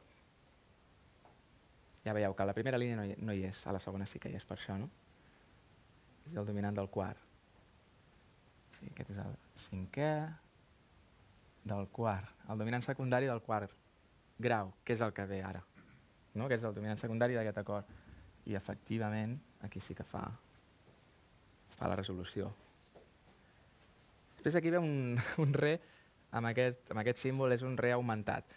Però no deixa de ser uh, un acord de set. És una manera de fer-lo més jazzístic, però, però es podria interpretar, de fet, si voleu, ja directament. No ens passarem de llestos i posarem aquí això. Però aquest, pues, ja ho podeu veure. Ah, estava amb el color blau, eh? Pues, vinga. És el dominant del sisè. Aquí se'n va el sisè. I aquest do tampoc està a la primera línia, sí que està a la segona. És el dominant del dominant.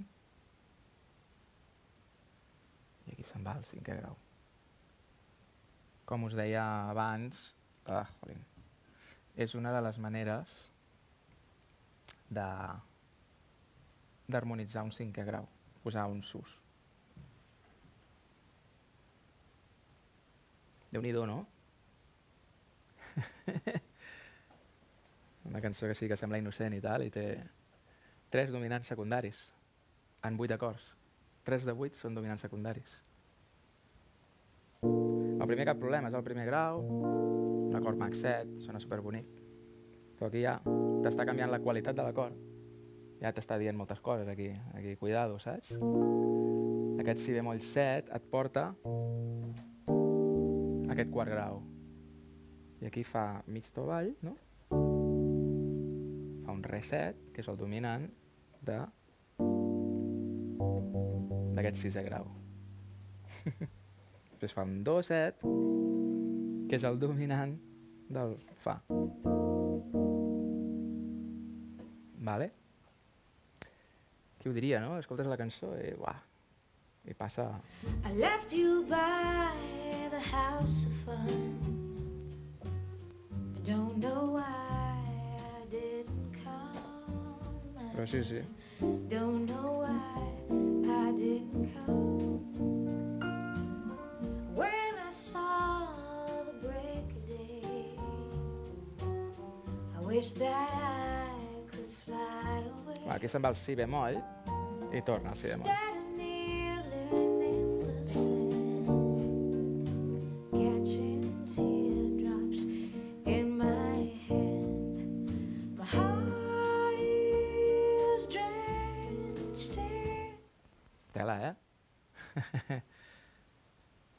Més, què més?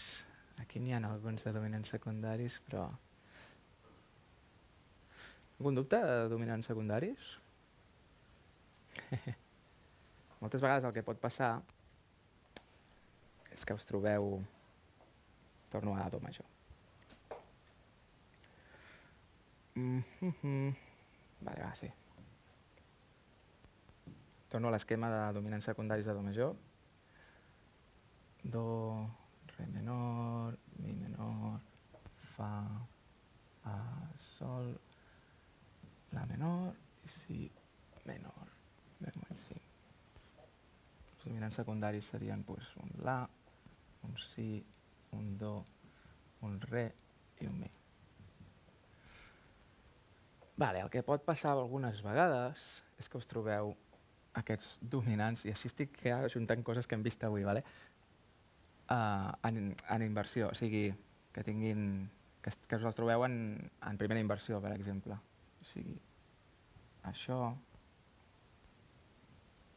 uh, això seria un re sostingut, El do amb baix amb mi. Mm, fa sostingut, perdó, falta aquí. I aquest seria...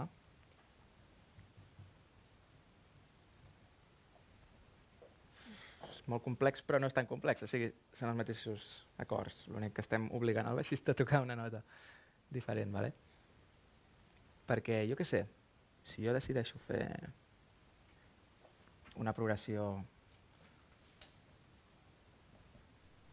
així,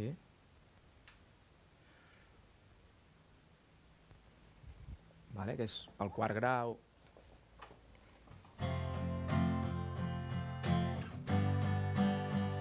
el cinquè, el dominant secundari del sisè i el sisè, jo podria fer això, i llavors tenim sol, sol sostingut la amb el baix. Es crea una progressió cromàtica. De fet, ho podria, se m'acudeix ara que ho podria haver complicat més, i llavors ja te cagues. Fa, és aquest d'aquí, sí? Ara faré el dominant secundari del, del cinquè, faré el sol, i ara sí. Mm, mm, mm. No sé, farem això. Mig compàs cada acord. I a veure, això sonaria així, sense, sense inversions ni res.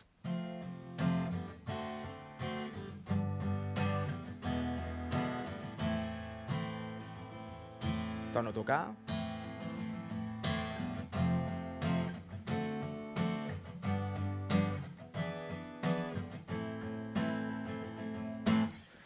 Mm? No sé, igual us sona d'alguna cançó, però és bastant típic. Llavors, si això li poso una inversió, llavors es crea un efecte xulo, que és que la nota greu fa, fa, fa sostingut, sol, sol sostingut i la fa una pujada cromàtica.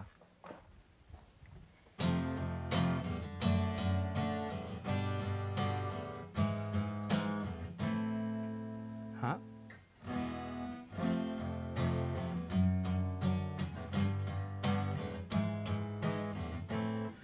I això és xulo. Es fa servir molt.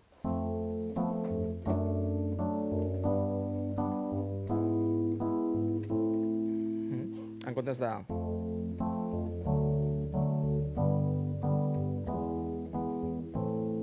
tan, tan, tan, tan... No, aquí...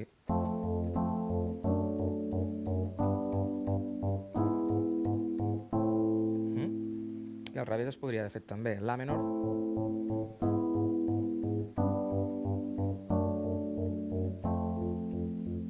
Ho estic fent al revés.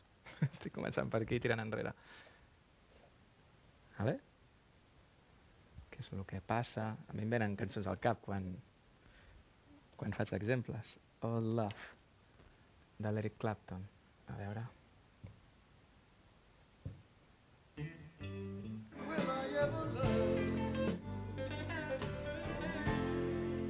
Fa... I ara farà això.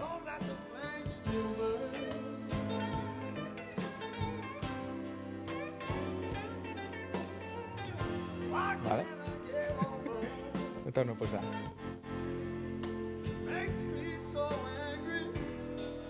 Ara vindrà el La.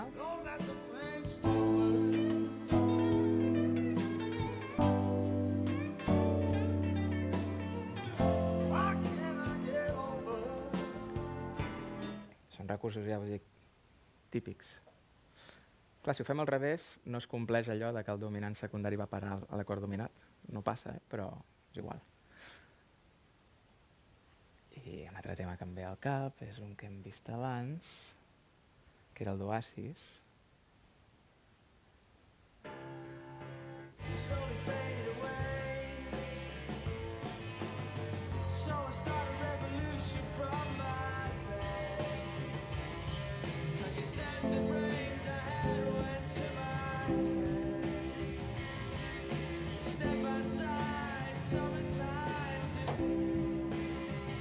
Ara aquí.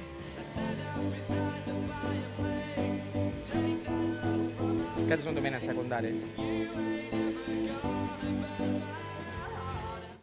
Sí?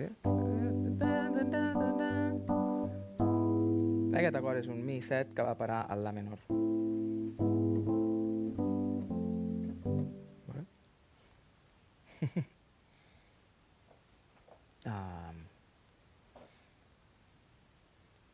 pues, bueno, això seria... És que no us vull liar més perquè he fet molta, molta tralla, no?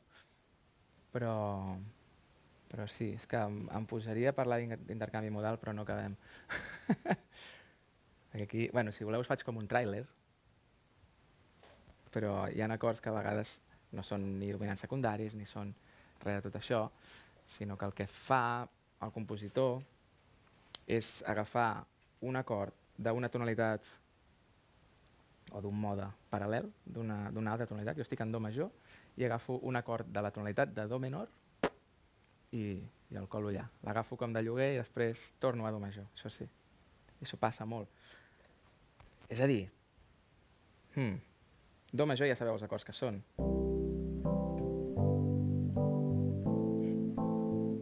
El let it be, no? Jo sé. Jo estic en un fa major i faig un fa menor. I aquest fa menor d'on surt? Ve de la tonalitat de do menor. és un acord que hem agafat prestat d'allà, sí, del lloguer. L'hem agafat d'allà, ens l'han deixat. Faig un fa major, fa menor, de la tonalitat de do menor i torno a do major. El mateix podria fer amb el la bemoll major, el si bemoll major, també són acords de do menor. O mi bemoll major, mireu-ho com vulgueu.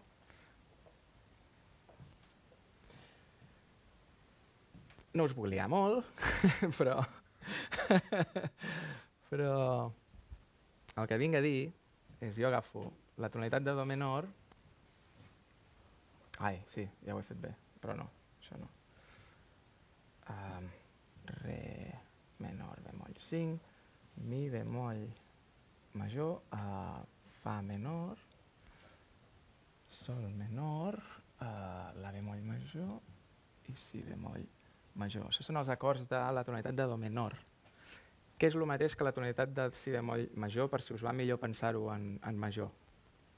Si nosaltres partim d'aquí, és mi bemoll major, primer grau major, segon menor, tercer menor, quart major, cinquè major, sisè menor i setè disminuït. Aquesta relació de la, de la tonalitat major i menor la vaig explicar a l'altre masterclass, abans ho has comentat tu, seria el relatiu menor, és, és això, aquesta relació. Estem tonalitat major, tonalitat menor. I jo el que dic és que no t'estem tocant en do major i de cop i volta ens ve de gust tocar un fa menor, podem fer-ho. Ens ve de gust tocar un la bemoll, podem fer-ho. Un si bemoll, també podem fer-ho. Són aquests tres acords que us estic dient aquí i el cinquè menor, ojo, també. Si m'apures, és que en realitat tots, eh? Aquest és el que sempre donarà problemes, però, però sí, sí, jo podria estar tocant en do major. Faig un la menor, un fa, el fa el transformo en menor, i ho hem sentit mil vegades, això. De fet, a la cançó d'Oasis passa. Revolution. Això és un fa major, fa menor, i va a l'1, al, al do. Um, llavors, jo, jo què sé, podria estar en do major, faig sol, sol, sol major, aquest la bemoll, si bemoll major, surten d'allà també. També podria fer el cinquè grau menor, això és molt xulo. O sigui, tocar aquest sol menor.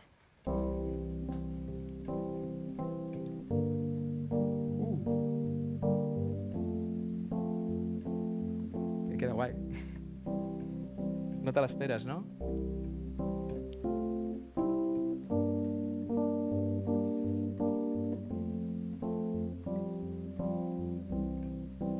I el tercer, no sé, a veure.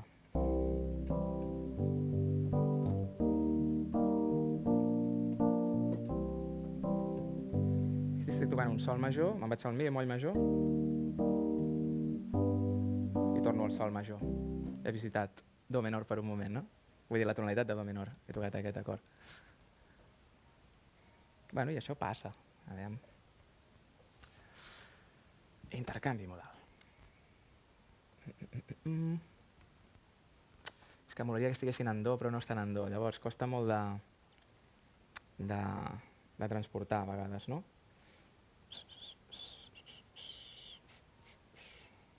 Carolina és un tema que tothom, tothom coneix, suposo, no? de, de M-Clan.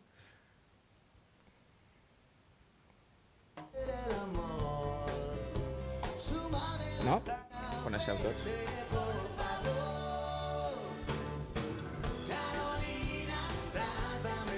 Aquí tot normal?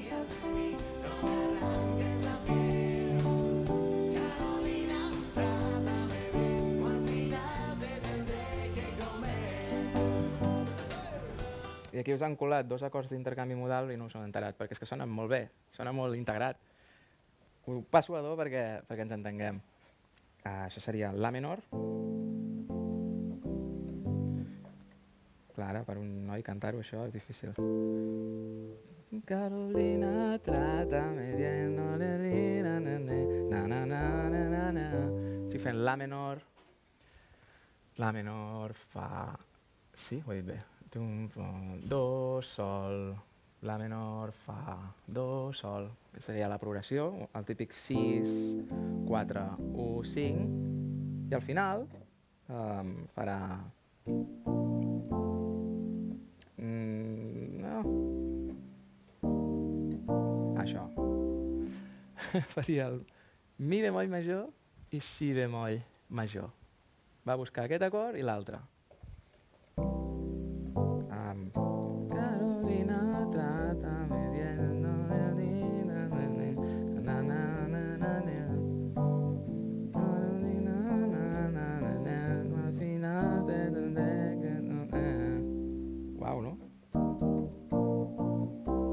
Mi bemoll major, si bemoll major i do major. I mola.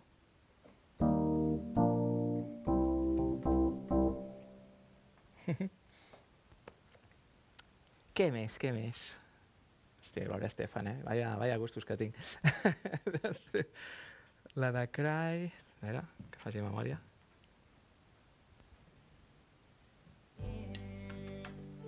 Ah, clar, és que aquí ja directament.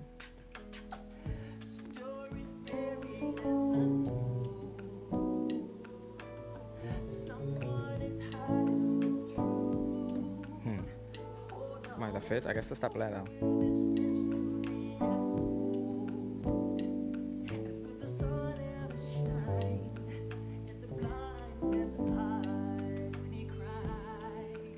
Està ple. Això en do major seria començar amb un do. Na, na, na, na, na. I aquí ja està, ja està colant el si bemoll major. Na, na, na, na, na.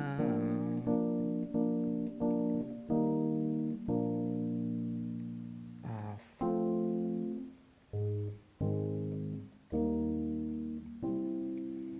És que els cola tots, em sembla, menys el... O sigui, els majors els cola tots tres en aquesta cançó. Ara no, no sabria dir perquè està en la i és una, una merda transportar-ho. Quina és? Heal the world, make it a better place. Ah, aquesta és molt clara. Si us mola el grunge, moltes vegades fan això, fan intercanvi modal per donar aquesta sensació de... Un acord que t'esperes que sigui menor, major, pum. Aquí...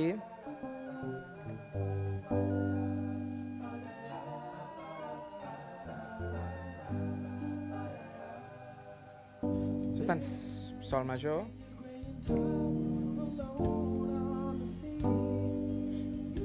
No sé si noteu algo raro.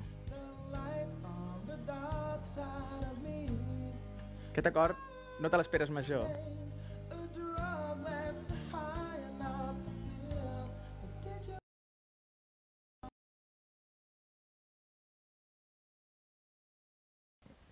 Do. Um.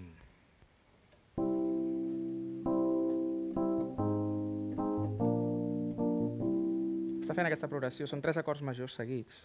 La bemoll major, si bemoll major i do major. Clar, tu t'esperes que el do sigui menor. No sé. I no, tal la major. Fent aquests tres acords. Pum. Molt bé. I jo què sé. Abans escoltava una de Nirvana que també ho fa, això. I he quedat, mira, mm, els hi posaré. Quina era, quina era? A veure, Canciones ver todo. Hòstia, clar, és que ara...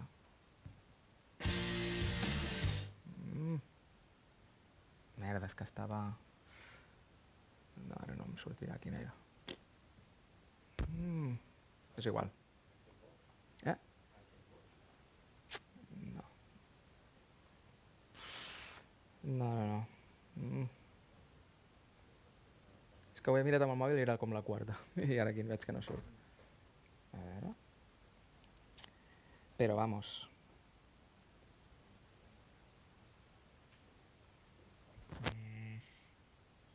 No sé si seria About Girl. No. Va, és igual. Que n'hi ha moltíssimes. Tornem aquí.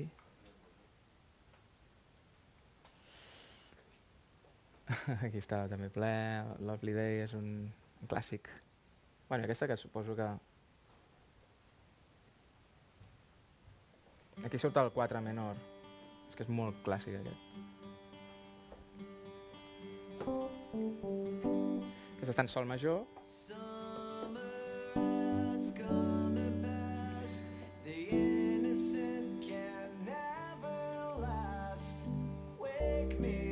I aquí, ojo. when September ends. Aquest. Wait beyond when September ends. Doncs és el cinquè grau de la tonalitat. Perdó, el quart. Estem en sol. I aquest acord és un do major. I el passem a menor. És el que passava amb la d'Oasis també. El que passava amb molts temes. És que...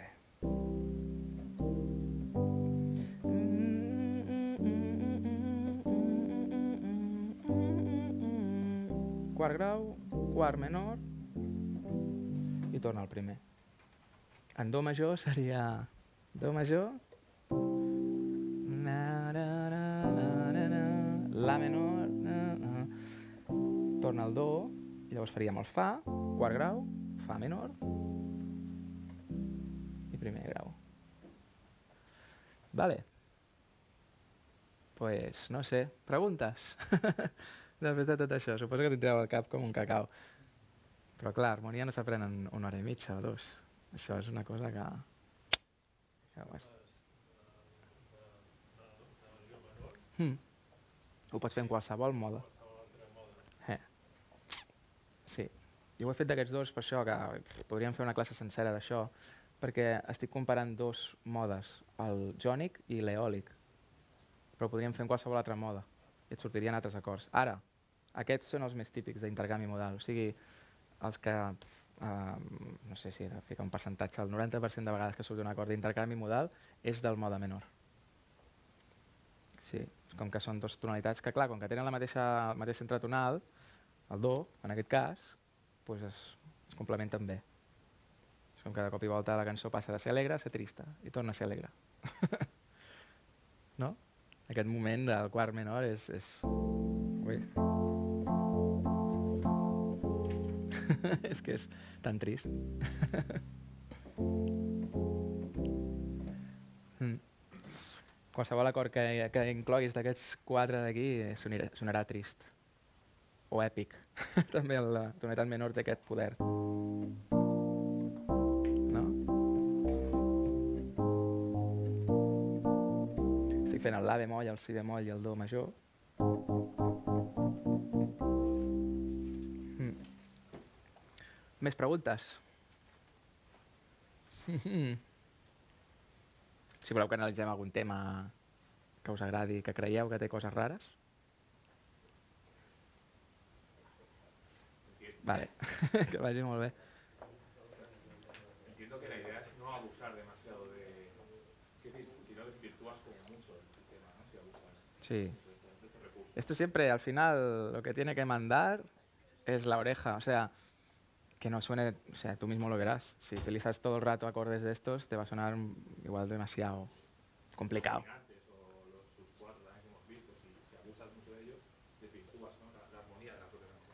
Sí, sí, pero puestas con gusto.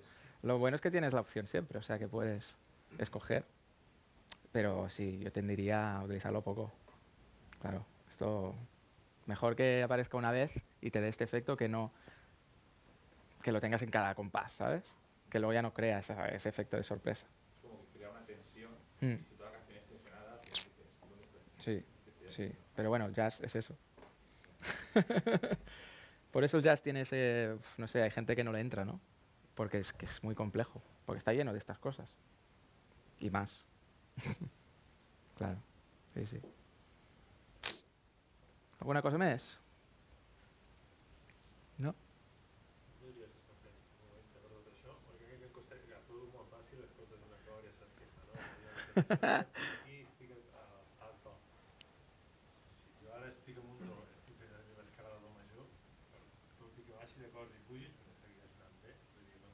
Clar, en el moment, mira, un truco, això és un truco que sempre explico quan, quan explico com improvisar, és que en el moment en què tu estiguis en algun d'aquests acords, tu pots improvisar però en do menor.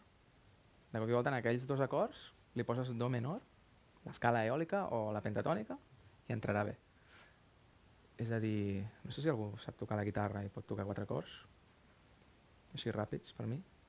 Un guitarrista que toqui acords dels que hi ha aquí dalt. Venga.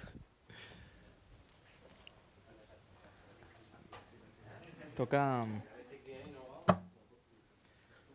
Tócame algo, Fran. Ah, anem a fer una progressió que seria, doncs, per exemple, Do major, Sol major, sí, mira, aquí en tinc una. Do major, Sol major, La bemoll i Si bemoll. Ja, una putada, eh? Fes-los durar, fes-los durar. Un compàs cada un. Vale. Faré estar... Segueix, segueix. Aquí és... Estem a la, a la fila de dalt. I aquí estem a la fila de baix. La bemoll, si bemoll. Per tant, el que jo dic és, si utilitzem la pentatònica, pentatònica major de do, per aquests dos primers acords, pentatònica menor de do en aquests dos últims acords. Això, en principi... Estic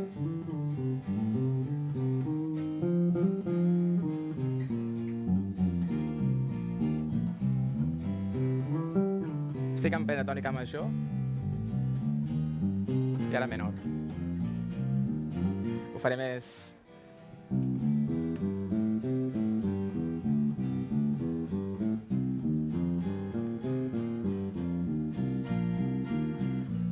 Pentatònica major. Pentatònica menor.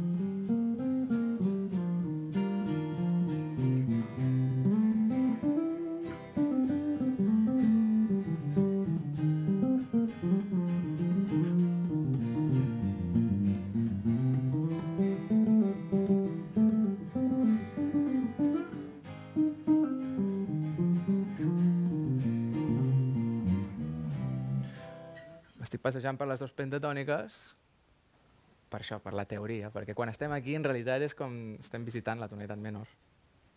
Eh. Ho podria haver fet amb la jònica i la eòlica. Ara jo no sé què està passant aquí. No, aquí, aquí sí ofereixo un, tema, que no sé què està passant en el tema. Ja, Que jo em poso eh, tant do major, començo a tocar i després després do menor dic, hòstia, però no, no és tant do major. ja, quan l'estàs traient, no? Sí. Ja, ja, ja. Has de fer una visió general i dir, vale, quins acords veus que estan relacionats. O sigui, aquesta seqüència l'has de tenir molt al cap i llavors lo normal és que el, no sé, la gran majoria d'acords estiguin en aquest esquema. Clar, si tu t'apareixes un mi sèptim en una cançó que està en do, és veritat, eh, al principi diràs que està en mi major la cançó, o està en la major, o està... perquè són tonalitats que tenen el mi. Però llavors has de veure el global. Clar, si només et quedes amb el mi, tu has de sospitar sempre. Com si et diuen, vale, en aquesta sala hi ha un tio que és assassí. Eh, a veure, sospita de tots. I després ja, veient, coneixent els altres, diràs, em sembla que és aquest. Saps? És una mica això. Perquè, clar, no és normal que tothom sigui assassí. O sigui, n'hi haurà un de cada, de cada pocs. Vale? Però per aquí va la cosa. Gràcies, Fran, eh? Gran guitarrista. Pues, alguna cosa més? Què? Ah, bé. Tu saps tot, tu, Bernat. M'agradaria, però no. Um, eh, S'han pogut invertir els acords de triada, es poden invertir també els acords de quadriada? Sí, també, també.